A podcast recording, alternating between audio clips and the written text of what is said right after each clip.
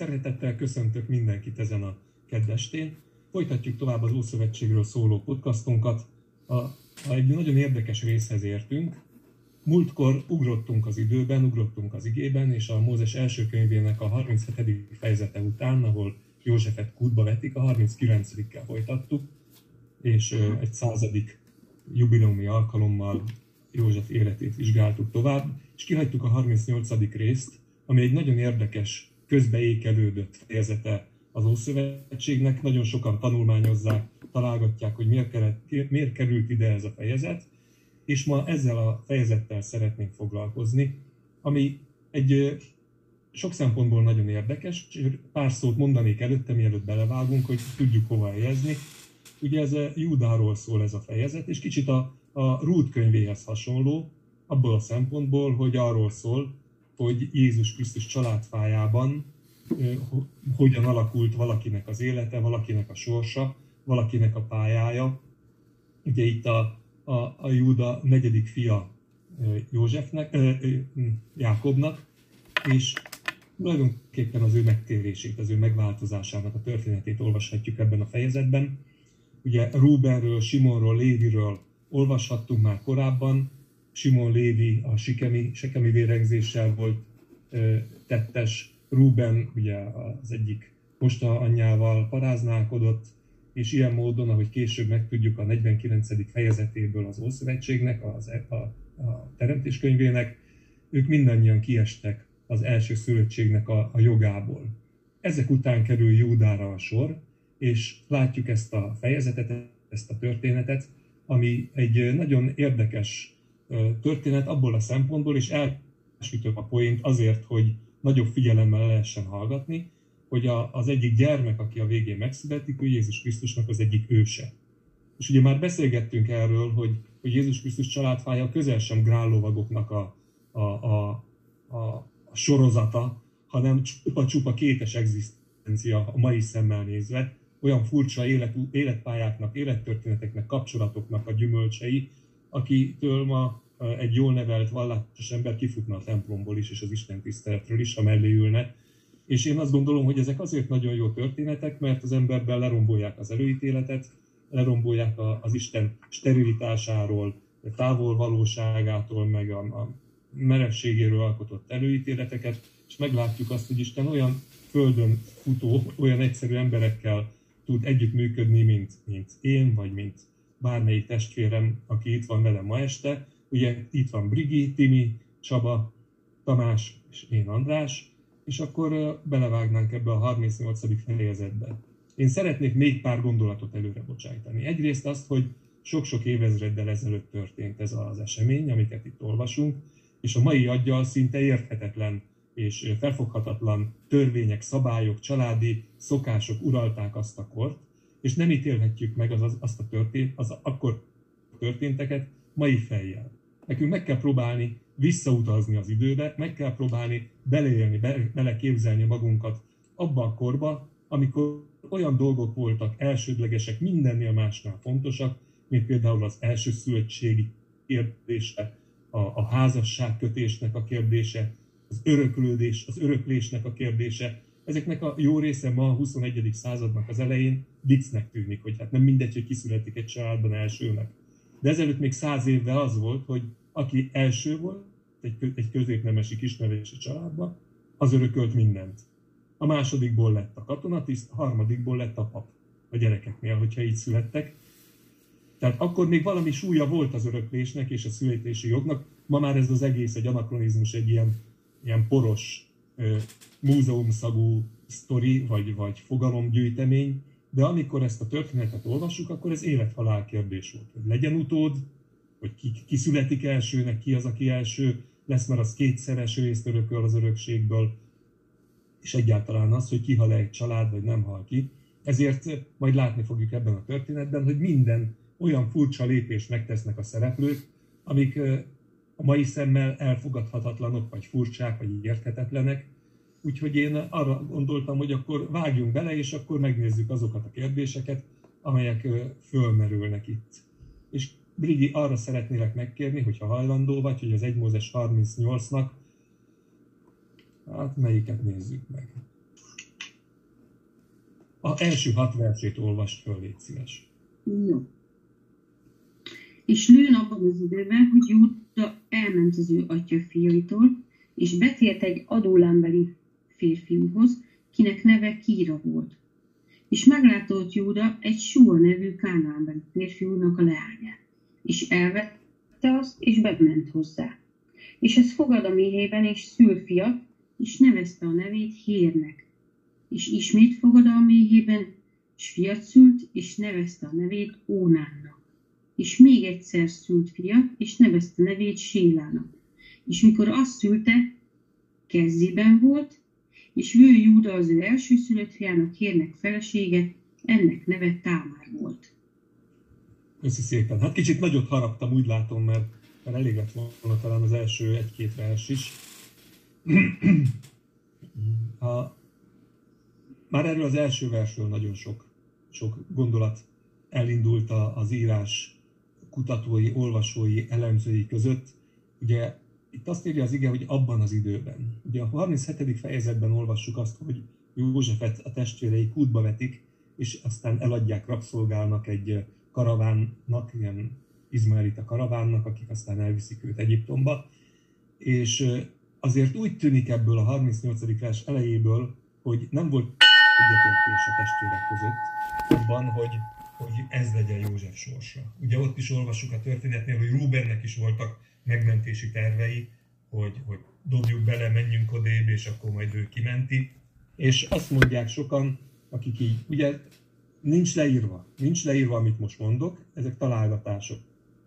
Hogy Judának is sok volt ez a történet, hogy, őt, hogy ők így a, a Józsefet eladták, meg meg akarták ölni, és ott hagyta a testvéreit. Az egyértelmű, hogy ott hagyta a testvéreit, ahogy ezt az ige mondja, de az okot, okozatot azt nem mondja meg az ige, de elment az ő atya fiaitól, és ezen gondolkoztam, hogy, hogy vajon mi kell ahhoz, hogy az ember, mi az a határ, mi az a pont, mi az a, a, a, a vízválasztó vonal, amíg az ember együtt van az atya fiaival, és mi az, amikor azt mondja, hogy ez most már elég, ez most már sok, most már inkább elmegyek máshova, és más utakra tér, más utakra irányítja az ő lépteit, és elege van abból a vérségi kötelékből, amivel fölnőtt, amiben benne volt, elege van abból a szövetségből, amit a, a családtagság jelent, és egy olyan erkölcsi, olyan lelki törést szenved el, hogy, hogy megszakítja a kapcsolatot a családtól. Nem tudom, mit gondoltok erről, hogy, hogy hol van a határ, meddig megy az ember el, meddig kell hallgatni, meddig kell együtt menni, és hol van az, amikor az ember azt mondja, hogy most már neki ez sok. Nem tudom, Tamás, mit mondasz erre? Hát mindenképpen mindenkinél más. Ugye itt azért látjuk, hogy azért ez a család azért, hát még messziről se volt egy összetartó. Itt azért megvolt a hierarchia, megvolt a, a, a vérszomtól kezdve az irítségig minden egyes dolog benne van ebben a családnak a történetében. Én, az az igazság, hogy én azt látom, hogy Júdának volt egy kapcsolata, mert meglátogatta ezt a, ezt a barátját, egy világi barátját talán ö, látogatta meg. És talán ettől a világi baráttól, aki majd, hát majd később beszéljünk róla, ugyan a, itt a, a, én úgy gondolom, hogy történetmesélésben nagyon fontosak a nevek. Most ennek a barátnak a neve az az volt, hogy híres. Tehát végre volt egy, egy ember, akire akár felnézhetett, akár egzisztenciálisan, vagy, vagy akár csak lelkileg ö, ö, olyan támaszt tudott nyújtani annak az embernek, ami egy olyan kapocs volt, akiben bízhatott. Mondom, csak feltételezem, de mindenképpen ezt az embert meglátogatta. Kikerült abból a közegből, ami semmi másból nem áll, csak a birkák és a testvérek közötti kapcsolatból, meg volt egy fater, aki igazából hát inkább a szeretetlenségével hívta fel a figyelmet a fiú gyermekek felé, főleg a nagyobb felé. Ugye ezt már elég sokat beszéltük. És talán a Júdának nem volt egy ilyen kapcsolódása, és találkozott ezzel a barátjával, aki, aki jól érezte magát, aki ez őszinte lehetett, aki kicsit kívülálló szemmel nézte ezt az egész történetet, akár tudta nélkül is, de mégis ö, úgy, úgy látszik, és itt a történetből egyértelműen ki, ki, kitűnik, hogy, hogy ennek a Júdának kellett egy ilyen oázis, kellett egy ilyen kitörés abból a, abból a malomból, amit a család jelentett. No, no, nem biztos, hogy, hogy ez rossz vagy jó, de igenis, én azt mondom, hogy, hogy minden embernek kell, hogy ne csak a, a megszokott mélyülbe élje meg az életét, hanem kell egy, egyfajta, hát erről majd Brigitte is beszélt, hogy mindenki elhagyta a családját, hogy, hogy kell egy, egy olyan, ö, nem is évszakváltás ez milyen, amikor így helyet váltasz, amikor így kiszabadulsz abból a közegből, ami úgy érzed, hogy megfolyt, fogva tart, stb. stb. Mondom, lehetett ennek jó, jó oka is. Én, ha most itt a, a 37-39-es részt is belerakom ebbe a történetbe, én azt, azt mondom, hogy ebből az állandó taposómalomból menekült ő ki egy olyan emberhez, akibe ő úgy gondolta, hogy, hogy barátra lehet, támogatóra lehet, egy kicsit fel is nézhetett rá, mondom, hogy ez egy híres ember volt, és hát ebből adódólag volt ez a hely, helyváltoztatás. Nem, Brigit? Brigit, mit mondasz? Hát kétféle, most kétféle dolog jár az eszembe. Az egyik az, az atyafiak elhagyása, azt én úgy inkább a egyházi dolgokra tenném, vagy a, vagy a család, aki így is, ugye rokonok, vagy ahova születünk, a szüleinktől való, mondjuk a, a szülői házból való elmenés, vagy egy egyházból való elmenés, az, az nem egyforma dolog.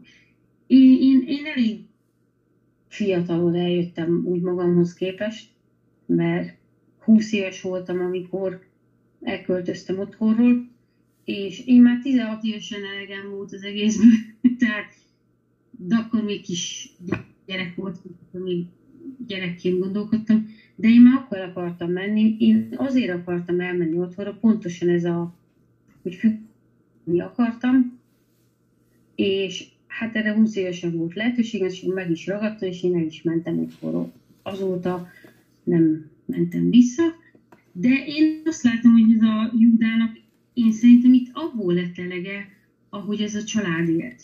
Tehát, ha elege lett. Abból, hogy, hogy nem a szeretet tartja őket össze, hanem,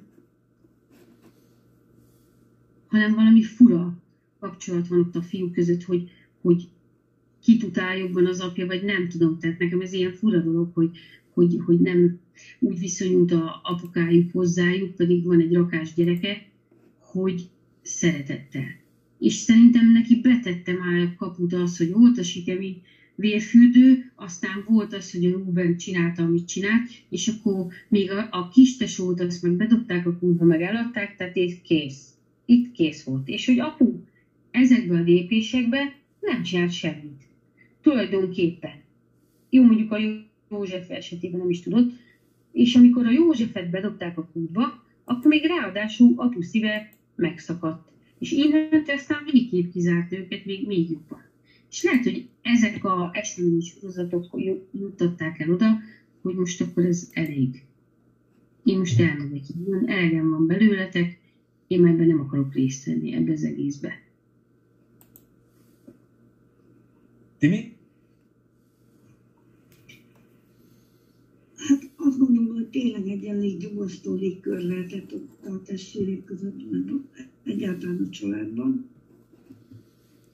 Azt látjuk az igéből, hogy Júda volt az, aki kitalálta, hogy hát akkor adjuk le tesót. Akkor legalább még pénzünk is lesz.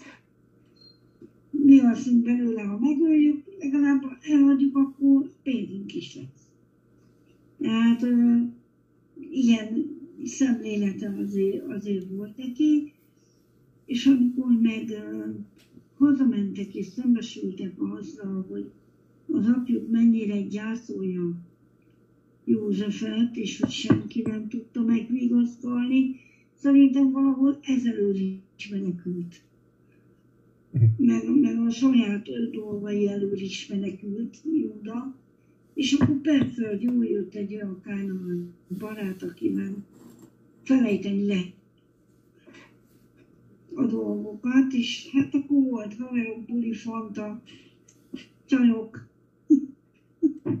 mi, minden volt, és ebből is azt látom, hogy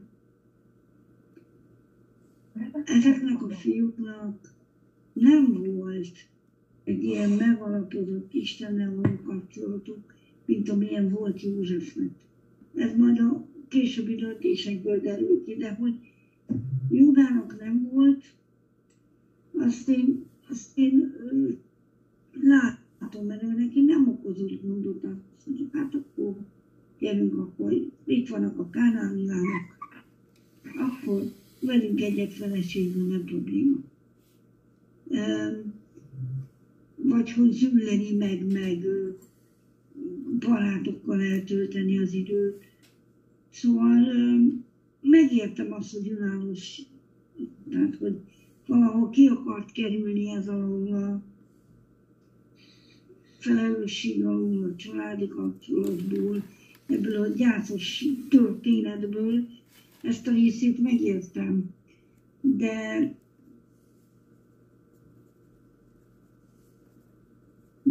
de itt jön az ki, hogy nem mindegy, hogy milyen a, a légkör hogy mit hoznak magukkal a gyereket, hogy mennyire tudjuk átadni itt a mindennapokban mi mondjuk a hitünket a gyerekeinknek, hogy lássák, hogy megéljük ezeket a dolgokat. És ez csak úgy megy, hogyha közel vannak hozzánk a gyerekeink. Kicsi korottól kezdve nyilván. De látjuk, hogy itt, itt nem ez volt a helyzet. Ebben a családban hatalmas széthúzás volt, és szerintem ez is, ez is benne van nekem. Még akár saját maga elől is el akar menekülni. Csabi, van valami gondolatod ezzel kapcsolatban? E, igen, megpróbálok válaszolni, mert az a vád ellenem, hogy nem válaszolok a nem, nem, nincs ilyen vád.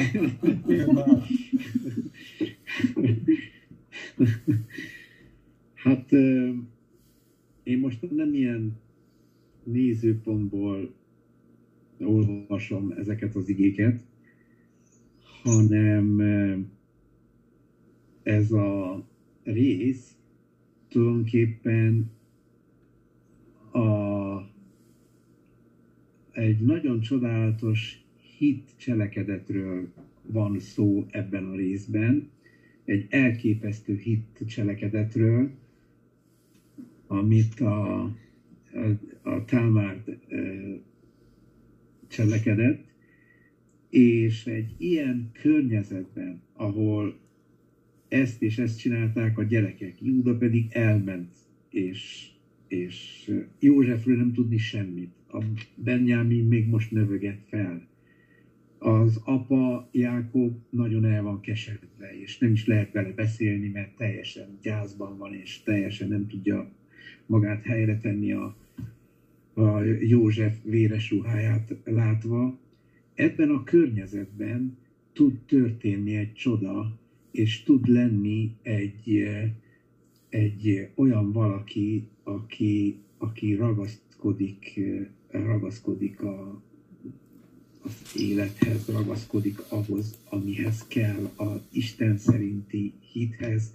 Hát ez csodálatos, de nem akarok előre bemenni a végére ennek a történetnek, de e, itt én úgy látom, hogy az ige azért írja le csak a körülményeket, nem írja le azt, hogy Júda tulajdonképpen miért ment el otthonról, hanem a ige ezt akar, a támárnak a cselekedetét akarja kiemelni. És hogyha mi be, akarok, be, be akarjuk látni igazán Istennek a, a, a, a lelki világát, és hogy meg akarjuk érteni, aki az Ószövetségben azt mondja, hogy tarts meg a törvényt, és akkor így és így lesz jó dolgod, és hogy, hogy közben kiemel egy pár ilyen történetet, amikor valaki ilyen csodálatos hit dolgot tesz. Én úgy érzem, hogy tulajdonképpen az Ószövetségnek ez a lényege. Itt ez a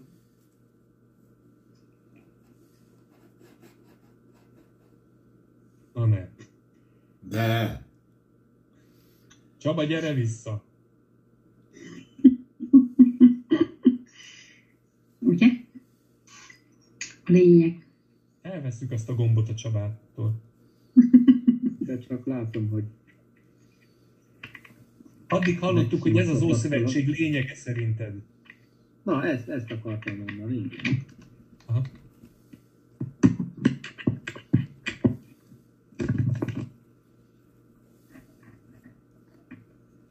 Ennyi. Jó, kösz, köszi, meg vagy, meg vagy most már.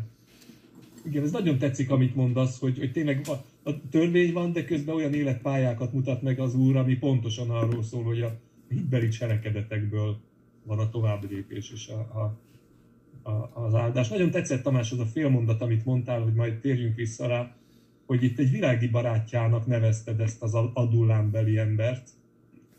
Ugye ez egy földrajzi hely, az Adulám, ez az, ott itt van az a barlang, ahol később Dávid a, a lázadó csapatával gyülekezik, és akkor a, a újdosásának ez az egyik része, és ez a terület Júda királysága, az Júdának a, a törzséhez fog tartozni később, hogy, hogy egy világi barátjához megy el e, Júda tulajdonképpen feltöltődni, kikapcsolódni. Nekem egy olyan képen van a, a fiúkról, ott kinn a, a birkapásztorok között, hogy állandóan megy a vetekedés, ki a keményebb csávó, ki az, aki több birkát nyír meg egységnyi idő alatt, ki az, aki messzebb dob a arvát, ki az, aki keményebb, ki az, aki erősebb, és mondjuk egy ilyen millióból kilépni, az biztos felszabadító lehet, hogy elmenni egy olyan helyre, ahol végre ember számba vesznek.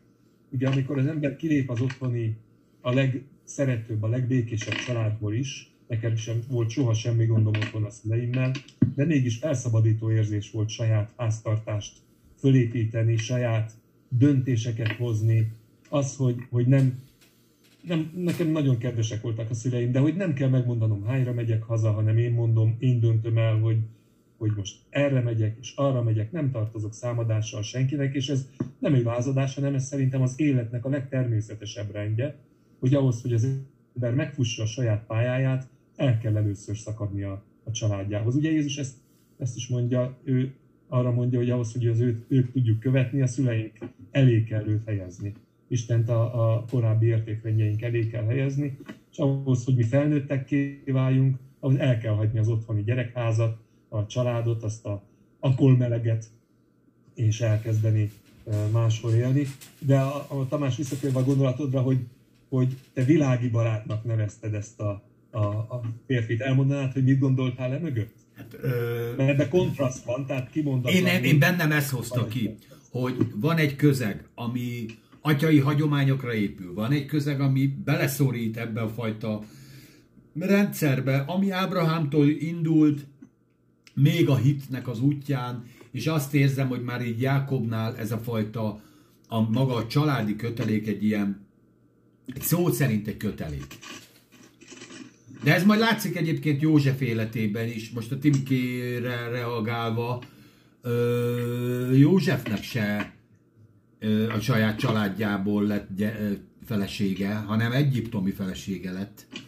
Tehát de látszik, hogy, ez, hogy, hogy ebben a családban ez a fajta össze akarom tartani, ez mind, ahogy a homokot ö, tud, tudod, össze akarod szorítani, és minél jobban összeszorítod, annál inkább folyik ki a kezedből. Én ezt látom, hogy ez a család, családot így ilyen akaratos módon akarták egybe tartani a nyáj miatt, a, a közös munka miatt, a közös szolgálat miatt, akár a közös hit miatt. Bár itt a hitet azért mondjuk igazából olyan, mint a magyaros csoki, hogy csak nyomokban lehet felfedezni, de mindenképpen azt látom, hogy itt valahol minden gyerek így kifelé mozdul. Ebből látszik az az agresszió is, amit, amit maga a két gyerek a sikemi vérengzéssel művel. Tehát, tehát értitek, tehát amikor van egy zárt közeg, és ebből valaki kiszabadul, abban a pillanatban egy teljesen másmilyen ember lesz.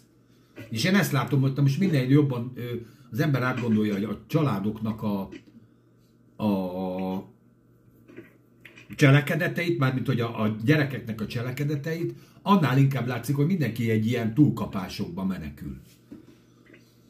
Tehát például a, a, a sikemi vérengzés, például a bilha, például a, a öcs, öcs, öcsénket eladjuk, például a, ugye most itt most Júdáról beszélünk konkrétan, és Tibi, még csak annyit szeretnék, ezt írtam fel magamnak, hogy, a, hogy ez a fajta kifutás, ez igenis túlkapásokkal jár. És ebben én úgy gondolom, hogy az Isten úgy partner, hogy hagyja, hogy lecsituljál. Tehát amikor be van zárva a karámba egy ló, és kiengedik, az hirtelen elkezd mindenhova futni, de ha hagyjuk egy kicsit kifutni, egy idő után majdnem, hogy visszamegy a karámba, de legalábbis megnyugszik. És valahogy ezt érzem ebben a világi barátban is, hogy minden csak ne a családom.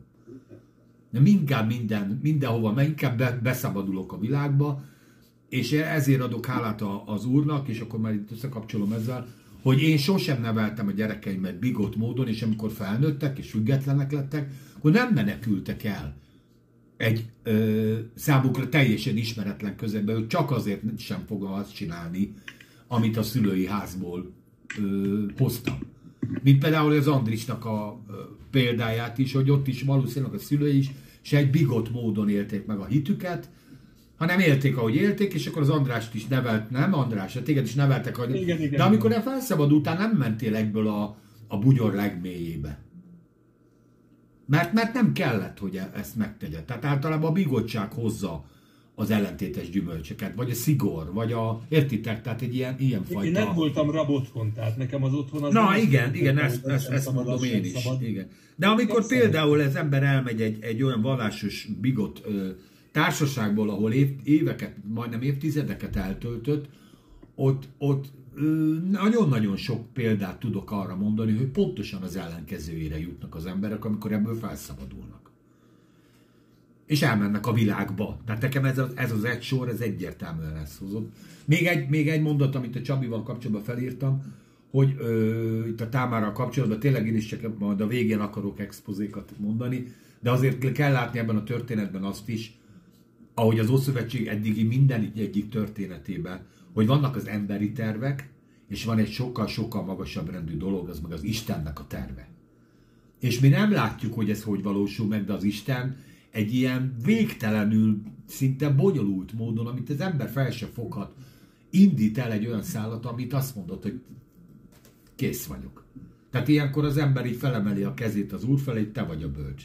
Hogy ez miért így van, és miért így indul, hát csak azt tudom, hogy mondani, hogy óriási. Mindenki mást képzelne el, nem? Jézus Krisztus ősének. De ebben a fura történetből kialakul egy olyan történet, ami hát elképesztő. Na, úgyhogy csak ennyi, így hirtelen. Tehát ez a visszatér a világi a kérdésedre, hogy igen, én, én szerintem kimondottan keresett egy ilyet, és kimondottan talált magának egy ilyet. Minden csak ne, ne, ne a ü, ü, ne a háztái legyen. Tehát minden csinálja, csak ne a háztái. Na ennyi. Nézzétek meg, milyen érdekes, hogy ugye a Ábrahámnál, Izsáknál, Jákobnál görcsösen ragaszkodtak a, a családból való házasodásra hoz. Itt ő is egy kánaánbeli csajt vett el, Júda. Hát, ahogy Tamás is mondta, József is. Tehát mint ez a generáció váltana itt, hogy elég volt ebből, és ugye itt kifejezetten azt olvassuk, hogy egy kánaánbeli férfiúnak a lányát vette el, és bement hozzá, és ha megnézitek ezt a fejezetet, nem írja le sehol a nevét ez a fejezet, hogy ki, ki volt a feleség, viszont azt is látjuk, hogy Júda végig hűséges volt hozzá. Tehát ugye ez egy, ez egy rövid fejezet, de egy egész életutat leír, és azt látjuk, hogy amíg élt az a feleség, ő nem, nem olvasunk semmi hűtlenségről, hanem ő kitartott mellette, és hűséges volt. Tehát szerette ezt a hölgyet, és függetlenül attól, hogy Kánaán beli volt, ő, ő kitartott mellette teljesen. Tehát még egy érdekesség, ugye, hogy mindenkinek leírja a nevét. Tehát a barátjának, az apjának, a haverjának, a gyerekeknek csak a nő. Tehát a nejem ilyenkor kiszokott akadni, hogy hogy, hogy lehetnek a történetírok ennyire üzék, hogy pont a nő nevét nem írják le, aki egyébként három gyereket szült. Tehát azért mégis valamit letett az. Na majd én elmondom, elárulom majd. Nekem is van megfejtésem, természetesen, de De, de akkor is, hát igen, ki, egy picit kiakasztó, hogy ilyen névtelenként írják. És nézzétek meg, hogy, hogy elindult a család, lett három gyermeke, Hér, Onán és Séla, és minden úgy, úgy tűnt, hogy sínre került. Hogy jön az áldás, csőstül minden, és már megvolt a következő generáció is, bekerült a képbe Támár, az első szülöttnek feleséget szerzett Júda, és olyan, mintha elindulna a következő generáció, és, és nő a család, és aztán jön ugye a, a hetedik vers. Nem, és már tudok megnézem, Panikát szeretnélek megkérni, Panika, hogy ez 1 Mózes 38-ban a hetedik verstől elolvasnád de nekem a tizedikig. 1 Mózes 38, 7-től 10-ig. Te Héri utának elköszülött fia gonosz volt az úr szemmei előtt, és megölti őt az úr. És mondta Júda Ónámnak, eredj be a te bátyád feleségéhez, és vett feleségül sógor, és támasz magod bátyádnak. Onán pedig tudja vala, hogy a magzat nem lesz az övé, azért valamikor az ő bátyja feleségéhez bemegy, földre vesztegeti vala el a magot, hogy bátyák magot ne támadjon. És gonoszságnak tetszik az Úr szemei előtt, amit cselekszik, annak okáért megjöli őt is. Köszönöm szépen. Hát egy, egy jól induló család azonnal törés szenved. És én megmondom nektek őszintén, hogy én, a, én visszafogott konzervatív családban nőttem föl, ezért én óvatosan fogok fogalmazni, mert én hozzám közelebb áll a, a finomabb megközelítése a dolgoknak, mint a Tamás nyersessége. Jaj, ez egy, igen, ez egy felkérés jó, volt, figyelek. Jó, én nem focipán szocializálódom napon. Tehát a, igazából itt van először szó születés szabályozásról a Bibliában, egy sajátos módon, és nincs is máshol az igében erről szó. Tehát a, nagyon érdekes, hogy azt olvassuk, hogy gonosz volt Hér, a Júda elsőszülött fia, az úr szemei előtt, és megölte őt az úr. Nem részletezi Isten igéje, hogy, hogy mit csinált ez a Hér nevű fiatalember. Nem tudunk semmit az ő életéről, és ugye ezt már tapasztalhattuk, ha utána olvasunk ilyen magyarázatoknak, hogy ilyenkor elszalad a szekér, meg, meg elvágtat a, a képzelet korlátlanul a lelkes biblia értelmezőkben, és a koncepciók sokkal többet árulnak el az ő lelkükről, mint a, az igének a, a valóságáról, úgyhogy én nem nagyon szeretnék elmélyedni az ő elképzeléseikben. Nem részletezi az ige, hogy, hogy hogyan halt meg ez a, az illető. A, a, sok olyan sztorit látunk, amikor egy-egy ilyen gondolat mögött az van, hogy, hogy baleset éri, vagy, vagy tehát nem az úr keze öli meg, hanem az életében történik valami olyan bicsakás, hogy véget ér az élete. És bár a, az Ószövetségi Törvény írott formája előtt vagyunk, úgy tűnik, hogy már itt is létezik a sógorházasságnak a, a törzsi érvényessége, miszerint annak érdekében, hogy ne halljon ki egy család, ha meghal az első szülött, meghal egy férj, akkor a következő testvérnek kötelessége, hogy gyermeket nemzen a feleségtől. Ugye erre mondtam én az a, a mai este elején, hogy ezt nem mai egy aggyal kell, meg mai szocializációs környezetből kell megítélni, hanem a kornak az erkölcsi törvényei szerint, és ez egy annyira érvényes törvény volt, érvényes szokás volt, hogy ez bekerült a törvénybe is.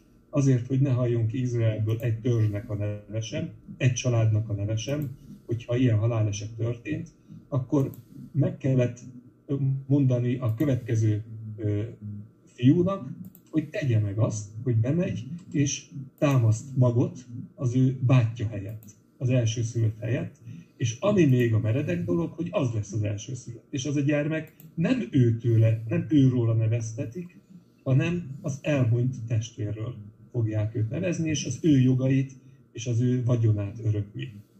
És ugye azt látjuk, hogy mikor ezt meg annak, hogy tedd meg, amit, ami a, a szokás, amit megkövetel, akkor Onán azt mondta, hogy és melyik leírja az ige, hogy miért, miért nem volt hajlandó ezt megtenni, mert nem akarta, hogy nem az, ne az övé legyen.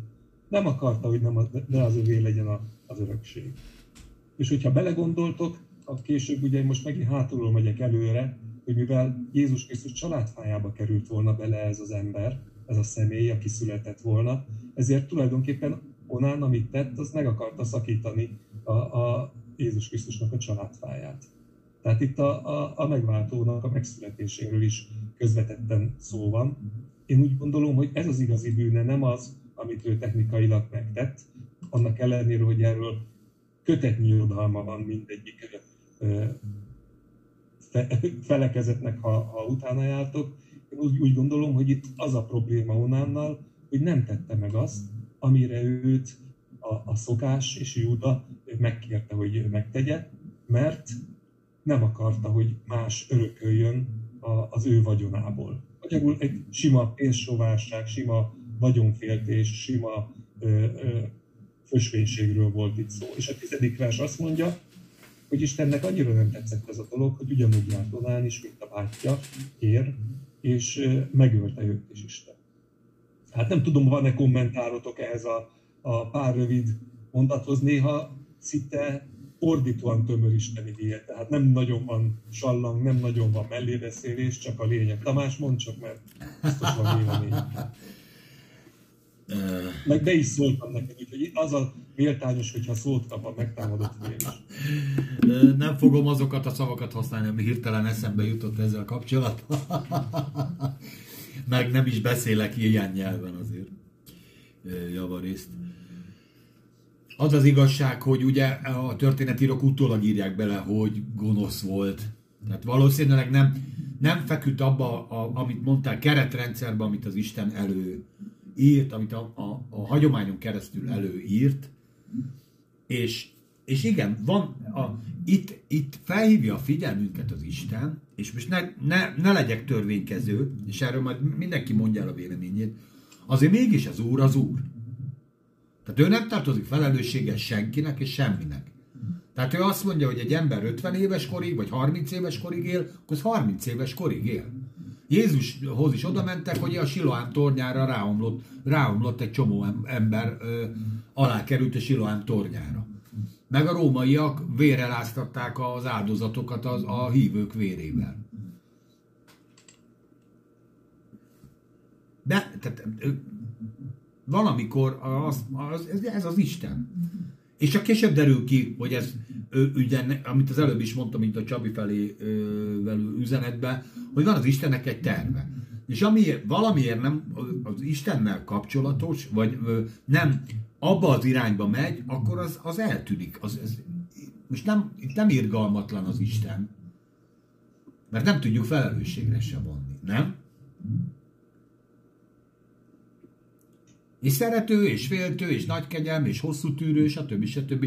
Hány fősvény van egy családban, Andris? Most ő, te, tegyük a szívünkre kezdve, hány családtagunk van, aki ugyanezt megcsinálnak, hogy, hogy nehogy már az örökségemből izé legyek. Mert hála Istennek a mi családunk nem ilyen, de, de tudunk ilyet. Érted? És hát gyakorlatilag egy örökség, örökösödési per. Nem, Andris? Hogyha ezt most magyarra lefordítjuk.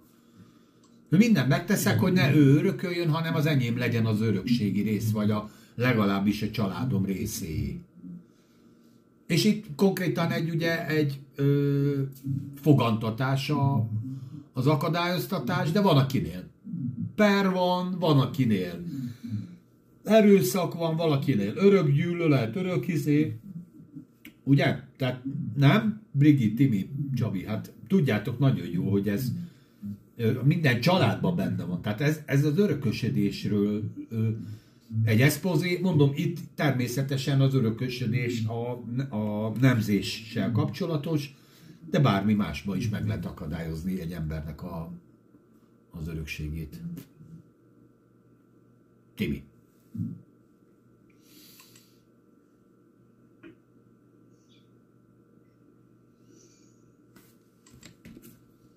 Brigi, van valami véleményed? Hát gondolkodok még. Jó, jó, jó, jó. Tényleg az örökösödés az ura dolog azért, hogy ott azért kiderül, hogy mi van az emberek szívébe, amikor valaki meghal, és marad utána dolgok, és hogy hogy bánnak azokkal a dolgokkal, amik ezután a szeretett, meg becsült ember, vagy hogy hogy bánnak egymással az emberek ezekben a helyzetekben, hát na, nem a legjobban, vagy legalábbis én nem sok olyan, nem sok olyat ismerek, ahol ez olyan szépen tud végigmenni. Tehát az a baj, hogy felüti a fejét az irítség mindig. És, és ugye régen ezt törvények szabályozták, hogy az első születés kész, és akkor a többiek ott nem ugrabugráltak, meg nem, nem csinál tulajdonképpen semmit. De most már nem így működik, hanem minden mindenki általában, vagy írnak végrendeletet, és ha minden mindenkié, akkor ott balhé szokott lenni. De mindenhol, de láttam már azért sok helyen, ahol vérre menő csaták voltak. Csak egy pillanatig közben vágott, mert eszembe jutott egy sztori, hogy nekem a szüleim pár éve haltak meg, és ezért az első édesapám volt, aki elment, és utána volt egy örökösödési ilyen, hát amikor odaülünk a közjegyző elé, és ő felolvassa az örökséget, és akkor ott elintézzük. És 10 perc alatt megvoltunk, mindegy, békésen elrendeztük, és utána annyit mondott a, a közjegyző, hogy hát azért ő nem gyakran lát ilyet, mert azt mondja, volt már olyan itt ebbe a szobába, hogy késsel esett az egyik fél a másiknak és szurkálta meg. Úgyhogy rendőrt kellett hívni ott a, ja. az örökösödésnek a végén, és minden volt ott, vér, meg minden. Úgyhogy így van, ahogy mondod, Bigi, hogy, hogy ott aztán, amikor hirtelen fölcsillan a pénzszerzésnek a lehetősége, ott akkor megfordul a borjúban, a, a tehénben a bornyú, és akkor hirtelen kiderül, hogy kinek mi van a szívében, hogy, hogy, hogy hát eddig az ebédlőasztal mellett, meg karácsonyfa alatt mindenki puszi-puszi, de hát hogyha pénz van az asztalon, mint tét, akkor aztán minden más lesz. Mondd csak, Timi, ha van valami a szíveden. Az igazság, hogy értem én, hogy örökösödés meg. Uh, értem én, hogy, hogy magának akarta az örökséget, de igazából így neki sem lett, úgymond utódja. Ilyen módon ő neki sem lehetett, és az ő is ugyanúgy kihalt volna, a Biblia nevén. Igen. De, de tényleg, hogy, hogy Isten tervei sokkal nagyobbak. Sokkal nagyobbak is, emberek számára nem átlátható maximum csak utólag, hogy Isten mit, miért, vagy hogyan csinál. És tényleg, így belegondolva, hogy, hogy természetes módon akkor meg, meg akadhatott volna Krisztusi vérvonal, Isten sokkal hatalmasabb, és olyanokat tud kitalálni, amit az emberek nem. Tényleg is. Így viszont, mert mind a kettőről azt írja, vagy legalábbis az első fiúról, azt írja, hogy gonosz volt. Hogy mit csinált, hogyan, azt nem írja. Csak azt, hogy gonosz volt. És um, én azt gondolom, hogy Isten nem akarja azt, hogy már lehet, hogy ez csak az én véleményem, de hogy nem akarja, hogy ilyen gonoszság legyen benne ebbe a vérfonalba, nem, nem tudom. Jó elmondani azt, amit gondolok, de valami ilyesmi, hogy nem, nem szeretnék, hogy ilyen ez a gonoszság öröklődjön tovább. Uh-huh. Akkor Júda fiaiból hiányzott az a vagy lelkület, ami, ami, ami az örökségét viszi tovább ezekbe a gyerekekbe? Mert ugye tudjuk, hogy Júda, jó, ezt nem itt most, de amikor megáldja a fiait a Jákob, hogy el nem múlik a királyi pálca a, a, a Júdától, hogy őtőle fog majd származni a messiás, akkor ez a két fiú nem volt alkalmas erre, vagy nem, nem, nem volt meg bennük ez a valami? Az a hit. Én nem gondolom, hogy az a Kánaanita hő, azért Júdának van egy öröksége az apa szinten, hogy nem törődött ugye a fiaival, a Jákob. És lehet, hogy a Júda is inkább az anyukára hagyta, hogy foglalkozzon a gyerekekkel. És ez lett belőle. Mert az akkor meg aztán végképp nem ismerte azokat a szokásokat, azokat a, ami, amik Júdánál az a, a Jákobon keresztül megvoltak. Szerintem el is közéletszett, de nyilván nem volt ott. Hát ugye Tamás mondta azt, a, hogy azért Isten egy olyan fazekas mester, hogy nem mondhatják a, az edények, hogy miért alkottál ilyennek, miért alkottál olyannak, hogy, hogy végül is ez egy kánaánita vonal lett volna, ha belegondoltok, mert a, ott már a, a férj és feleség is kánaánita lett volna. És Uh-huh. most ha spoilerezés izé nélkül, de hát a vége nem ez lesz a, történetnek. Tehát azok mindig nem kánánita gyerekek lesznek, akik születnek, hanem a Júdától származnak. Még hogyha kétségtelen elég faramúci megoldás is, ami kialakul. Úgyhogy amit Isten megmondott, hogy te benned áldod, meg is magodban, és stb. stb. az azért itt ö, úgy elment volna egy kicsit oldal. De lehet, hogy én rosszul értem, rosszul látom. Hát ne, figyelj, várjál, az, hát Amit a, a, jó... mondott, hogy Isten, Istennek van egy terve. Nem hallani Tamás téged. Jó, ö, most... Nem. Várjatok. Na, de figyelj, akkor én rosszul olvasom a, az igét. Júda elsőszülött fiának Hérnek feleséget, akinek a neve Támár volt. Igen? De Dér, Júdának elsőszülött fia, tehát még mindig a Júdába vagyunk. Júda, Ja, gyermeke értelek, Júda. értelek. Jó, jó, jó, igazad van. Ö, valamiért gonosz volt az úr előtt, nem tudjuk.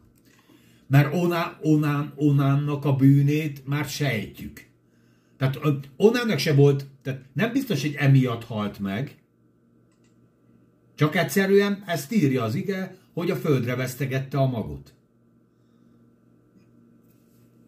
De ez volt gonoszság az úr szem előtt. Eredj el a te bátyád feleséged, vett feleségül, onnan pedig tudja, nem lesz az övé, és gonoszságnak tetszik az úr szeme előtt, amit ezért, ezért megölte. Na mondjuk itt megvan a, az ezért.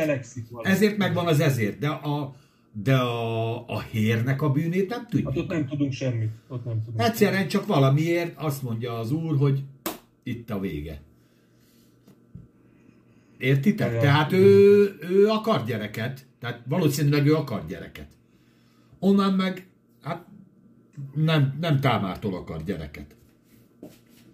És akkor innen ered az onanizmus. Hogyha be akarom bulvárosítani, de hát ezt mond az András eldönti, hogy indulunk Én el onanizmus. mondtam, hogy én megmaradnék egy kicsit a, a klasszikusabb. Oké. Okay. Jó, egyébként kellene róla beszélni, megmondom azt is, hogy miért. Mert ugye ez a tizedik századi ö, teljesen ö, pszichopata és teljesen aszkét szokásból ered ez a fajta ö, hozzáállás, hogy a házassági ö, ki élet az csak a gyereknemzésről szól. És ráadásul ezt olyan emberek találták ki a tizedik században, tehát az a, a középkor legsötétebb részét képzeljétek el, amikor még, tehát ott a, tehát ez, ez tényleg a teljes abszurd vallásos élet volt, hogy, és onnan ered ez a fajta ö, dolog, hogy a, a házas élet semmi másról nem szól, csak a gyermek ö, nemzésről, holott ugye az igen nyilvánosan kifejti azt, hogy minden tekintetben Isten előtt kedves a, tisztá, a szeplőtelen házasság. Tehát ez, egy, ez, ez most nagyon fontos erről beszélni, mert ugye innen ered ez a fajta képzet, és ez a mai napig, még a közéletben is benne van, hogy az asszonynak nem sem, semmi más dolga, mint hogy szüljön meg a konyhába legyen. De gyerekek, ez, Hozza be a sört, ha megy a meccs. és hozza be a sört, de csöndbe, papucsot vegye le, mert megkloppagjon, amikor megy a meccs. Értitek? Tehát ez, egy, ez, és ez, de ennek egy komoly hagyománya van, tehát ez nem szűnik meg egyik pillanatról a másikra, és komoly felvilágosult ö, emberek, magukat felvilágosult emberek ezt a mai napig váltják. Ugye ez még hozzájön még egy pár ilyen ö, ige, amit még hozzá lehet tenni, hogy az asszony csaladtatott meg, és akkor szépen lassan berakjuk egy fiókba a nőket a családon belül, hogy, hogy, ö, hogy hol, hol van a helyük. És ez egy ilyen hülye, egy ilyen hülye elképzelésből indult, amikor egy onnan nevű ember pusztán a család fenntartás miatt ö, földre vesztegette a magot. Egyébként szerintem ezt önmagában az Isten nem ítélte volna el. Értitek? Én abszolút... Ha eleve? Mondja, Brigi. Ha eleve ő a felesége? Nem, hát azért nem ítélte volna el, tehát hogyha ha ő azért vesztegette a magot, hogy ne szülessen Támárnak gyereke tőle. És ne örököljön mindent. Érted? De ha egyébként a földre vesztegette a magot, akkor már miért ne vesztegette volna a- a magot a földre? Hú, ebben nem értünk egyet, úgy látom az arcotokon. Mire gondolsz? Tehát én, én úgy fogalmaznék, hogy nem a születésszabályozás módja volt a probléma, hanem az, hogy nem akarta betölteni a sógorban. Hanem a miértje. Igen. A, a rendjét. Igen. Így gondoltad, ugye te? Abszolút.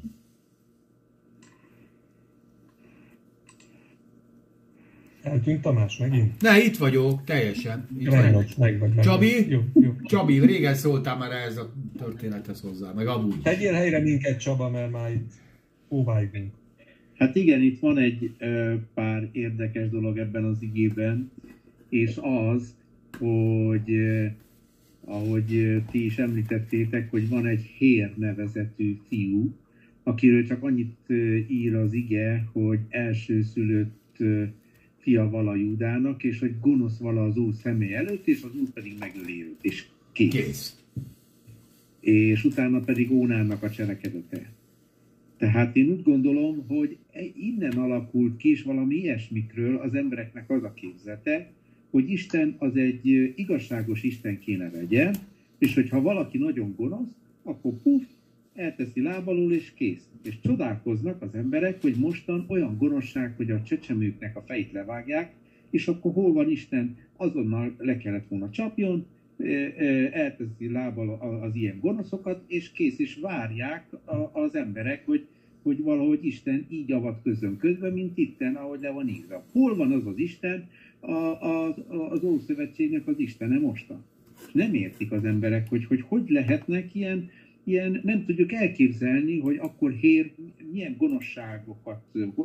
ö, miért kapta ezt a minősítést, itt az igében azt, hogy gonosz vala az Úr szemei előtt, és akkor az Úr pedig megölte őt, és utána pedig Ónán, hogy milyen gonosz volt, és őt is megölte az Úr. Hát hogy hol van ez az Isten a- mostan mai napokban?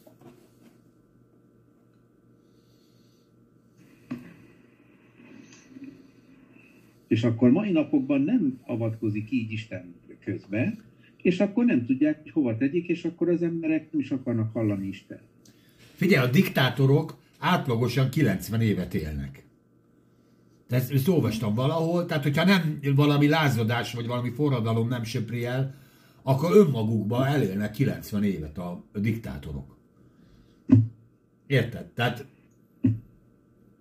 Nagyon-nagyon kevés az a hely az igében, az egész Bibliában, ahol ilyesmi van leírva, hogy Isten beavatkozik. Ugye van egy csoportos beavatkozás Sodoma és Gomoránál, és van még egy pár helyen, ahol ilyesmi történik, de az egész történetben, emberiség történetében a tíz kezünk, szóval a kezünknek a tíz ujján meg tudjuk számolni, hogy hányszor történt ilyesmi, hogy Isten közbeavat. Hát igen. Ilyen formában. Igen. Meg inkább egymást nölték az emberek, mint, mint az Isten cselekedett ilyet. Igen. Itten mire avatkozott be? Hát miért volt a hérnek nagyobb bűne, mint a, a, a többi fiúnak, akik elmentek és egy egész falut e, e, e, lemészárolták, miközben azok e, körülmetélkedtek, és akkor testvéreik lettek a, a, a, a Jákob fiainak, ezzel a körülmetéléssel lemészárolták őket ezután, miután ezt a szövetséget e, e, felvállalták, tehát akkor a hírnek mitől lett nagyobb a bűne, mint ezek. Vagy a, vagy a Káinnál, vagy bármelyiknél, aki Igen. csinált. Hát én, én mondtam, Hát ugye a Herodesnél is van. Szabó az ige. Mit mondtál, Tamás? A Herodesnél is ugye Abcsel 12-be jut eszembe, hogy, hogy mondták, hogy ó, hát minden szabad szent mondják Heródesnek. Abban a pillanatban az úr meg ö, hát azért adott, Igen. adott egy gyomrost Heródesnek, aztán az egy elég fájdalmas Igen. halála halt meg. Mert nem az Istennek adta a dicsőséget, írja Lukács.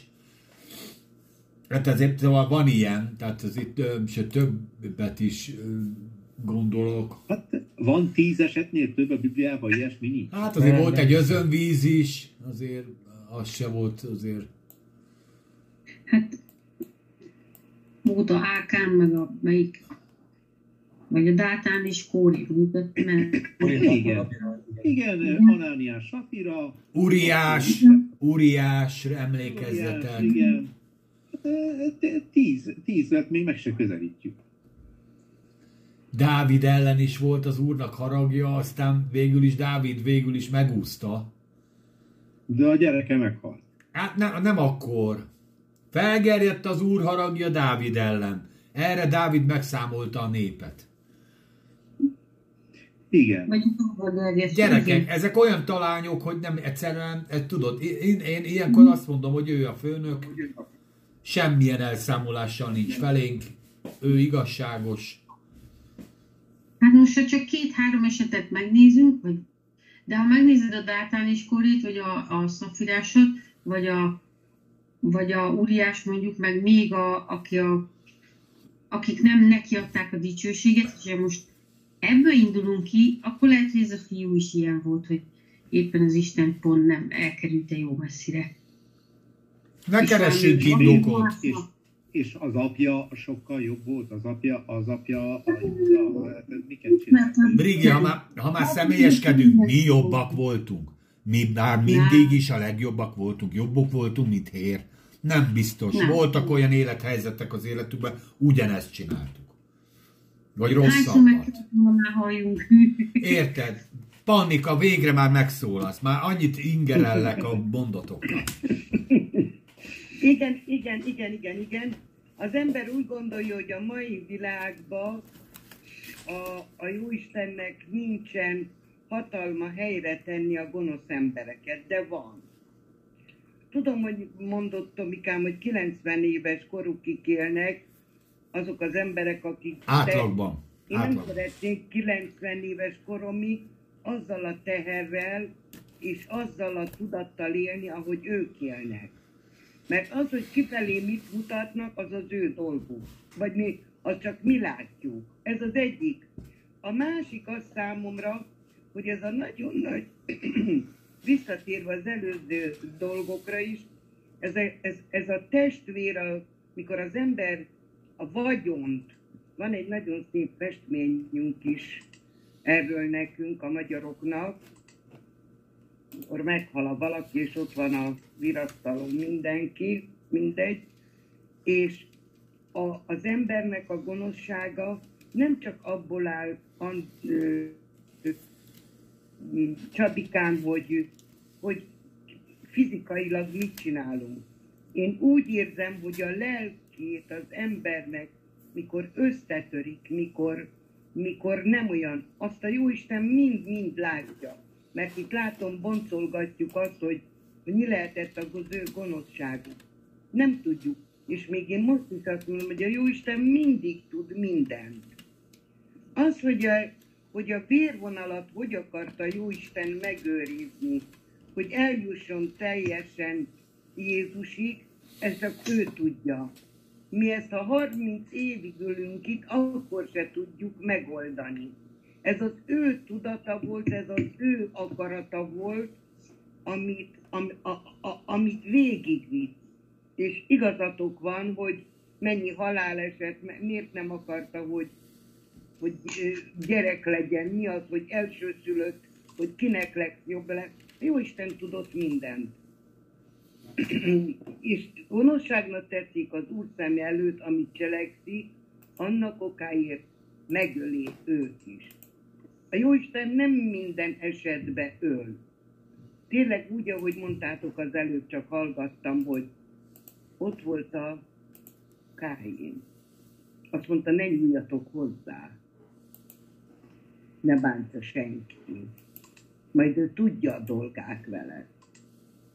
Értitek, hogy tényleg a Csabinak is igaza van, hogy, hogy, hogy a Jóisten nem szokott ilyen dolgot tenni, csak ritka, ritka, ami, amit tényleg most olvastunk ezért, hogy valakit megöljön, mert még az se ölte meg.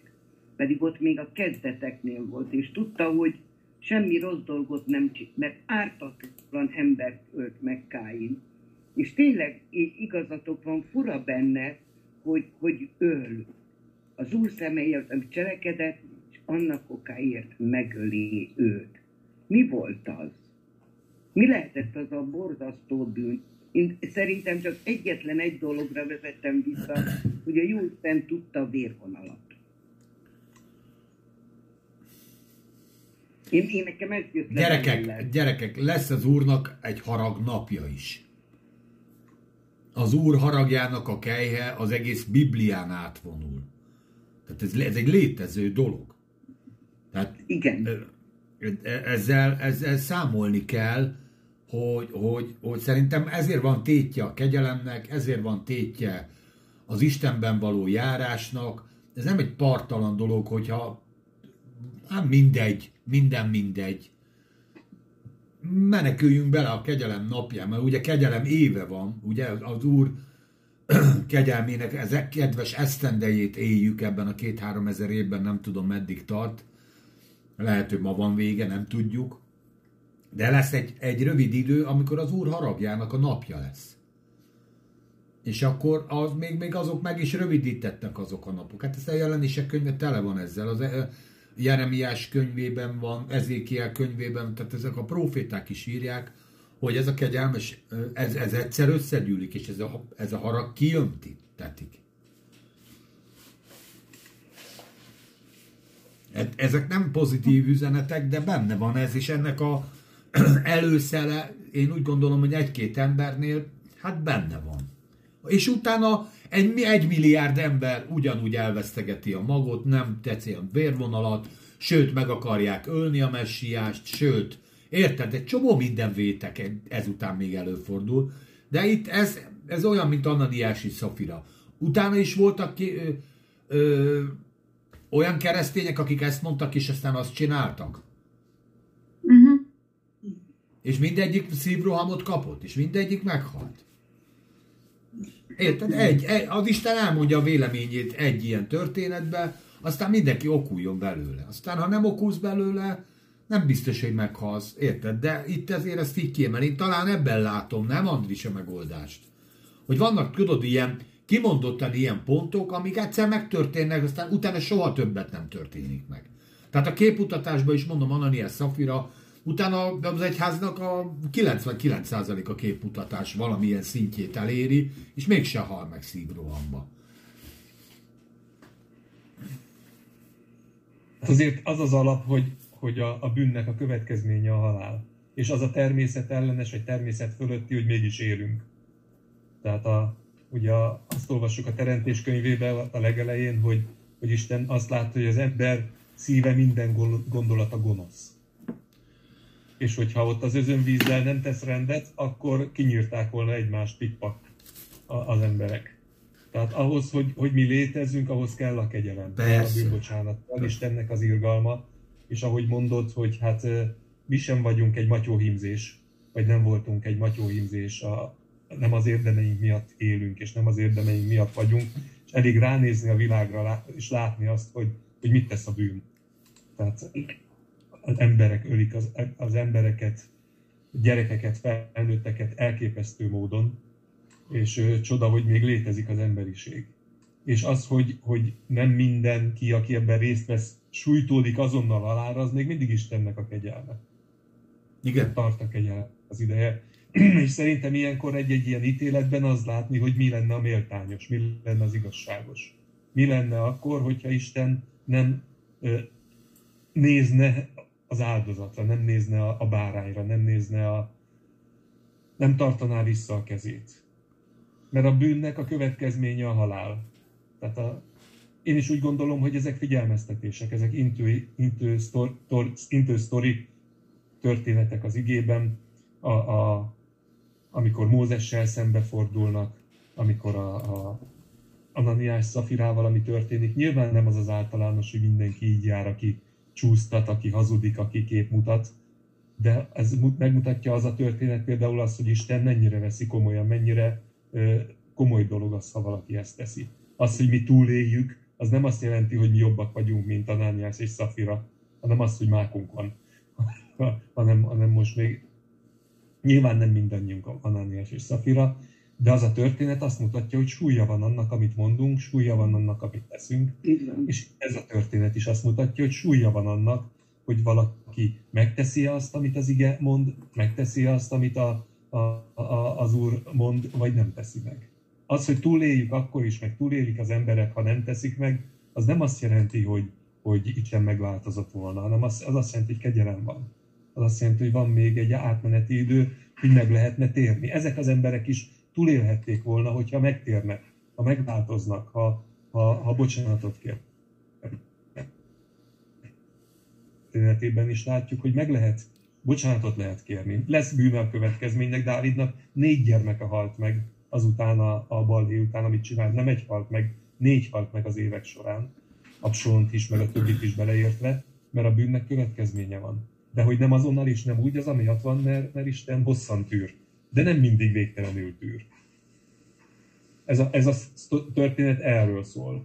És akkor lassan igazából túl vagyunk a, én azt mondanám, hogy a, a sokkolóbb részén, és most jön majd a, a csavaros női logika, meg a, a, az, a, az a rész.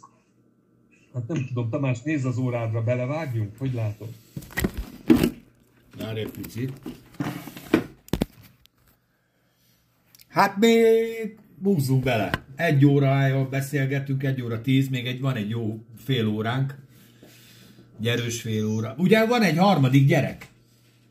11. verstől jön a, a, a következő kérdés, ugye Júda itt még a régi lendületből cselekszik, és akkor Annika felolvasnád a 10-es és a 11, 11-es és a 12-es verset? Elég? 11-12. Elég lesz? Aha, Elég. És mondd el Júda Támárnak, az ő mennyének, maradj özvegyen, addig a te atyád házában, míg az én fiam, Séla felnevelkedik, mert így gondolkodik vala, ne, ta, ne talán ez is meghal, mint az ő bátyja, bátyjai. Elmenni ezért Támár is, marad az ő atya házában. Sok idő múlva meghal a Sua lányának a Júda felesége, Júda pedig megvigasztalódik, és elmeni az ő juhainak nyírőihez, barátaja, barátjával, az Adilám beli Hirával, Timnával. Köszi Csak ez a szépen. kettő? Aha, úgy van, ahogy Tamás is mondta, ez egy jó barát lehetett, mert ugye az egész házassága ideje alatt megmaradt ez a kapcsolat, és amikor megvigasztalódik aztán felesége halála után, akkor is vele megy el bulizni. Ez a sör, sü- süti, fanta, izé, narancs, ami van. Ugye ez a rész arról szól, hogy, hogy Júda csidészkedik, az az igazság. Mert őt megrettenti, hogy két fiát elvesztette, és úgy gondolja, hogy ebben a hunyó a támár lehet. És ez egy rossz ómen, hogyha a két, mennyi, két fiához is odaadta ezt a támárt, és mindegyik bajba került, akkor nem arra jutott Júda, hogy a fiaival volt a gond, hanem hogy a támárral van a gond. Én miért te mi jutottál? Te mire jutottál volna? Én nem, én nem szeretnék ennyire személyeskedni. Én, fiam meg figyelj, persze, de érted, most gondold bele, hogy, hogy meghal a fia, özvegyen marad a lánya, jó, hát akkor oda szólok a mácsitek, hogy menj már át oda. Erre az is meghal. Hát akkor kire gyanakszom? Hát én nem olvastam el az 1 Mózes 38-at, ugye, akkor még ezt nem Hát írták ez a meg. baj, nem olvasta az igét rendesen. Nem olvasta az igét rendesen, még a Mózes meg se született, aki ezt leírja, vagy még a mindegy. De érted? Tehát van egy sztori, amiben a Támár átkát látja, és azt mondja, még a harmadik gyereket is kinyírja, hát akkor aztán végképp nem marad semmi. Az öreg lány meg megmarad tovább. Ugye ez már lassan öreg lány lesz. Ki tudja, hogy mikor kezdődött a házassága. Igen, ugye van is egy ilyen sztori. A, ö, Jézust kérdezik a szaddoceusok, hogy mi van azzal a nővel, aki túlél négy férjet. Na, akinek a felesége lesz. Tudod, emlékeztek erre Jézust ezzel kísérték Igen, a igen. feltámadással kapcsolatban. Úgyhogy ez ezért megmaradtak közel-keleten ez a fajta dolog, hogy ö, na, Ez egy veszélyes asszony. ez egy veszélyes, hát figyelj, de tök veszélyes. És özvegcsináló, nem? Hát érted, hogyha ö, később Júda megtudja, hogy, hogy a Támár volt, az biztos, hogy nem merészkedett volna a környékére se. Már csak a rokonság miatt is, de amúgy se. Hát függöny lett az arca elé. Hát igen, fekete özvegy volt, úgyhogy ha láttátok ezt a filmet annak idején. Na mindegy, Dan Krimi.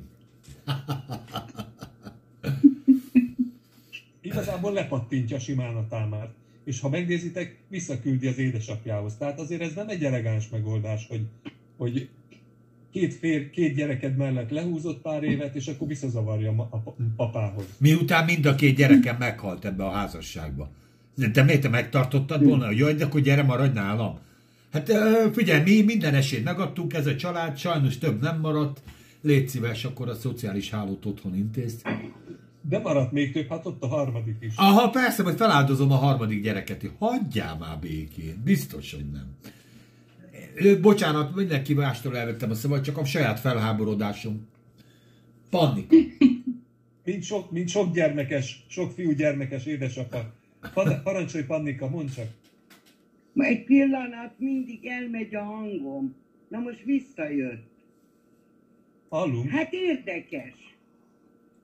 Nagyon érdekes, mert az ember csak, csak néz jobbra-balra, na most mi is van? Hogy is kellene ezt az egészet helyre hozni? Mi is legyen ebből? És itt már inkább én, úgy, ahogy mondta Tomi, hogy már itt a női rafináltságban.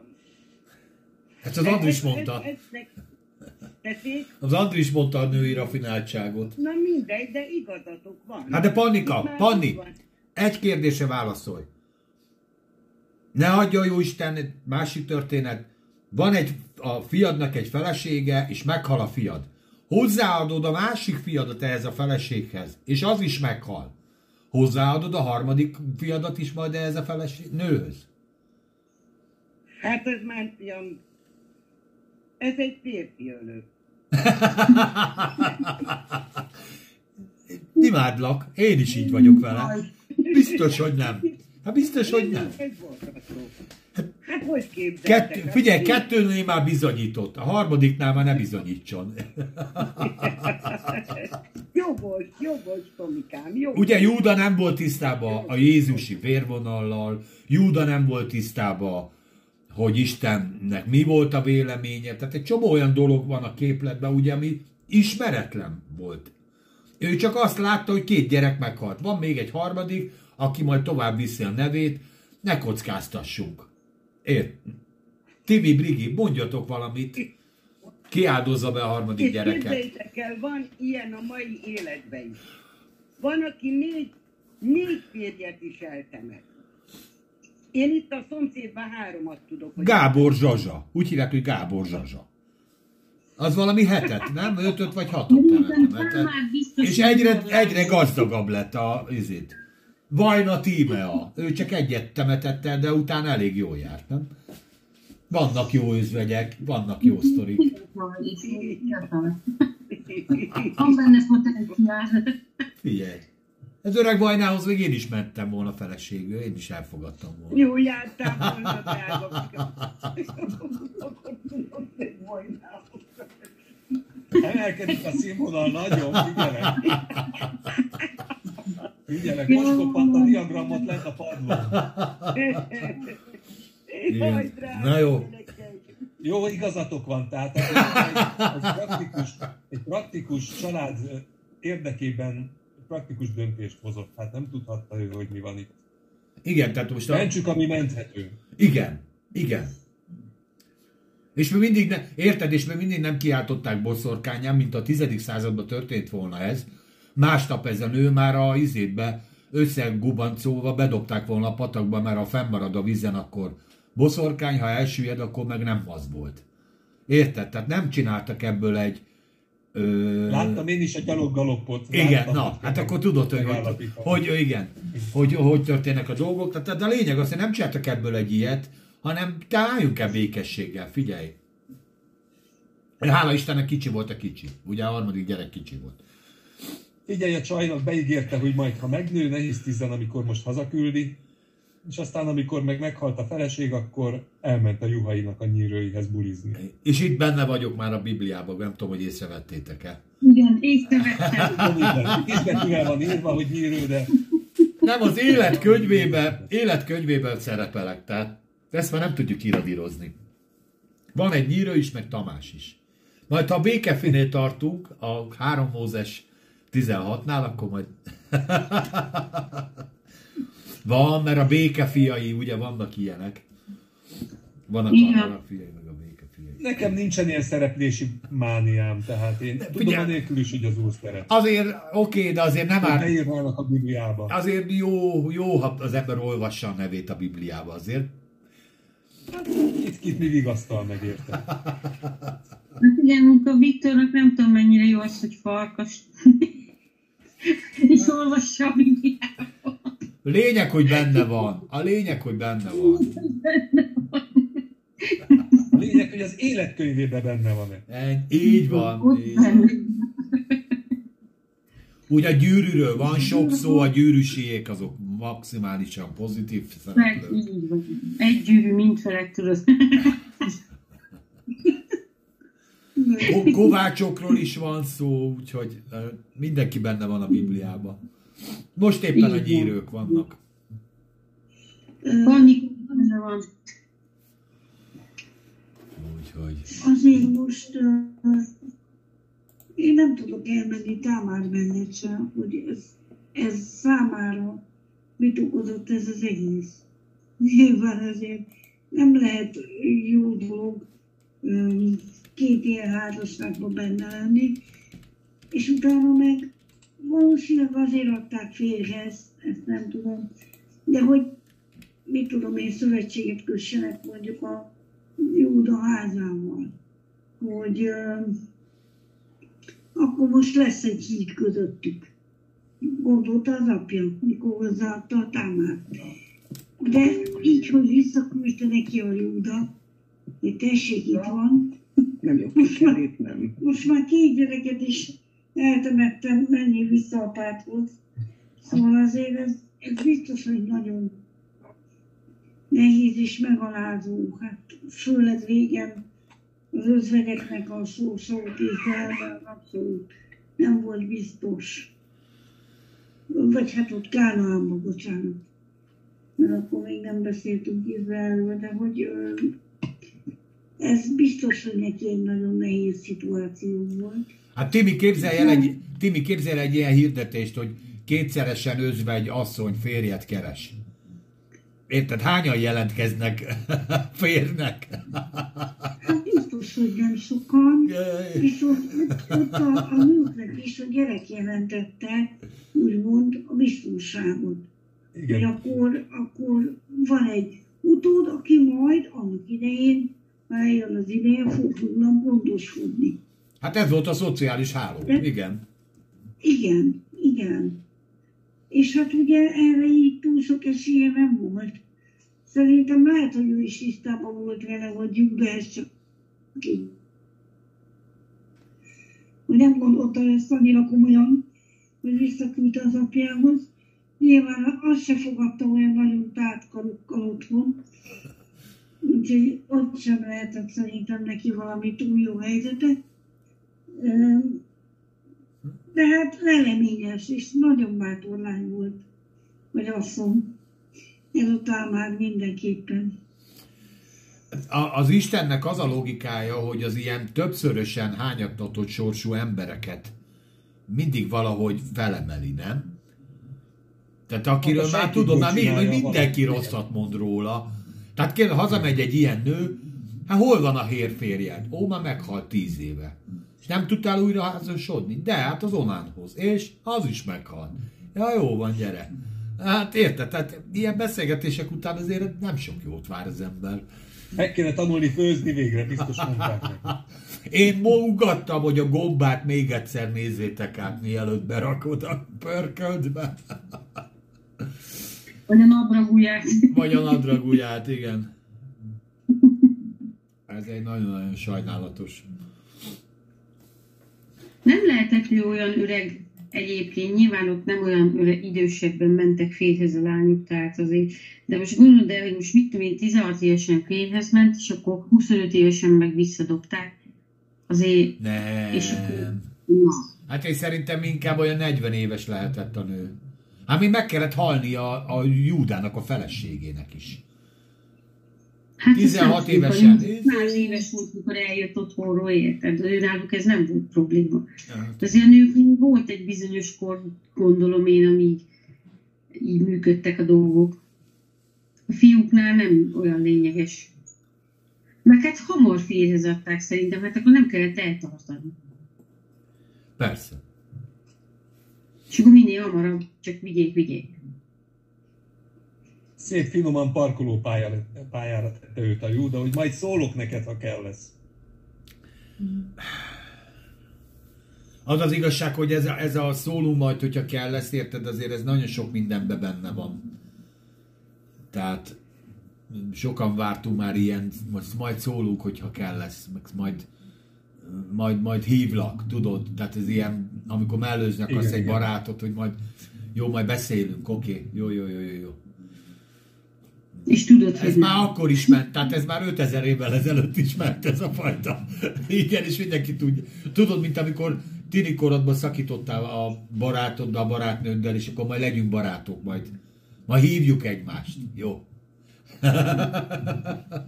Azóta is. Azóta is, igen, azóta is így. Más, álljunk meg szerintem, mert innentől egy, kö- köz, egy komplett történet jön most. Jó, jó, jó.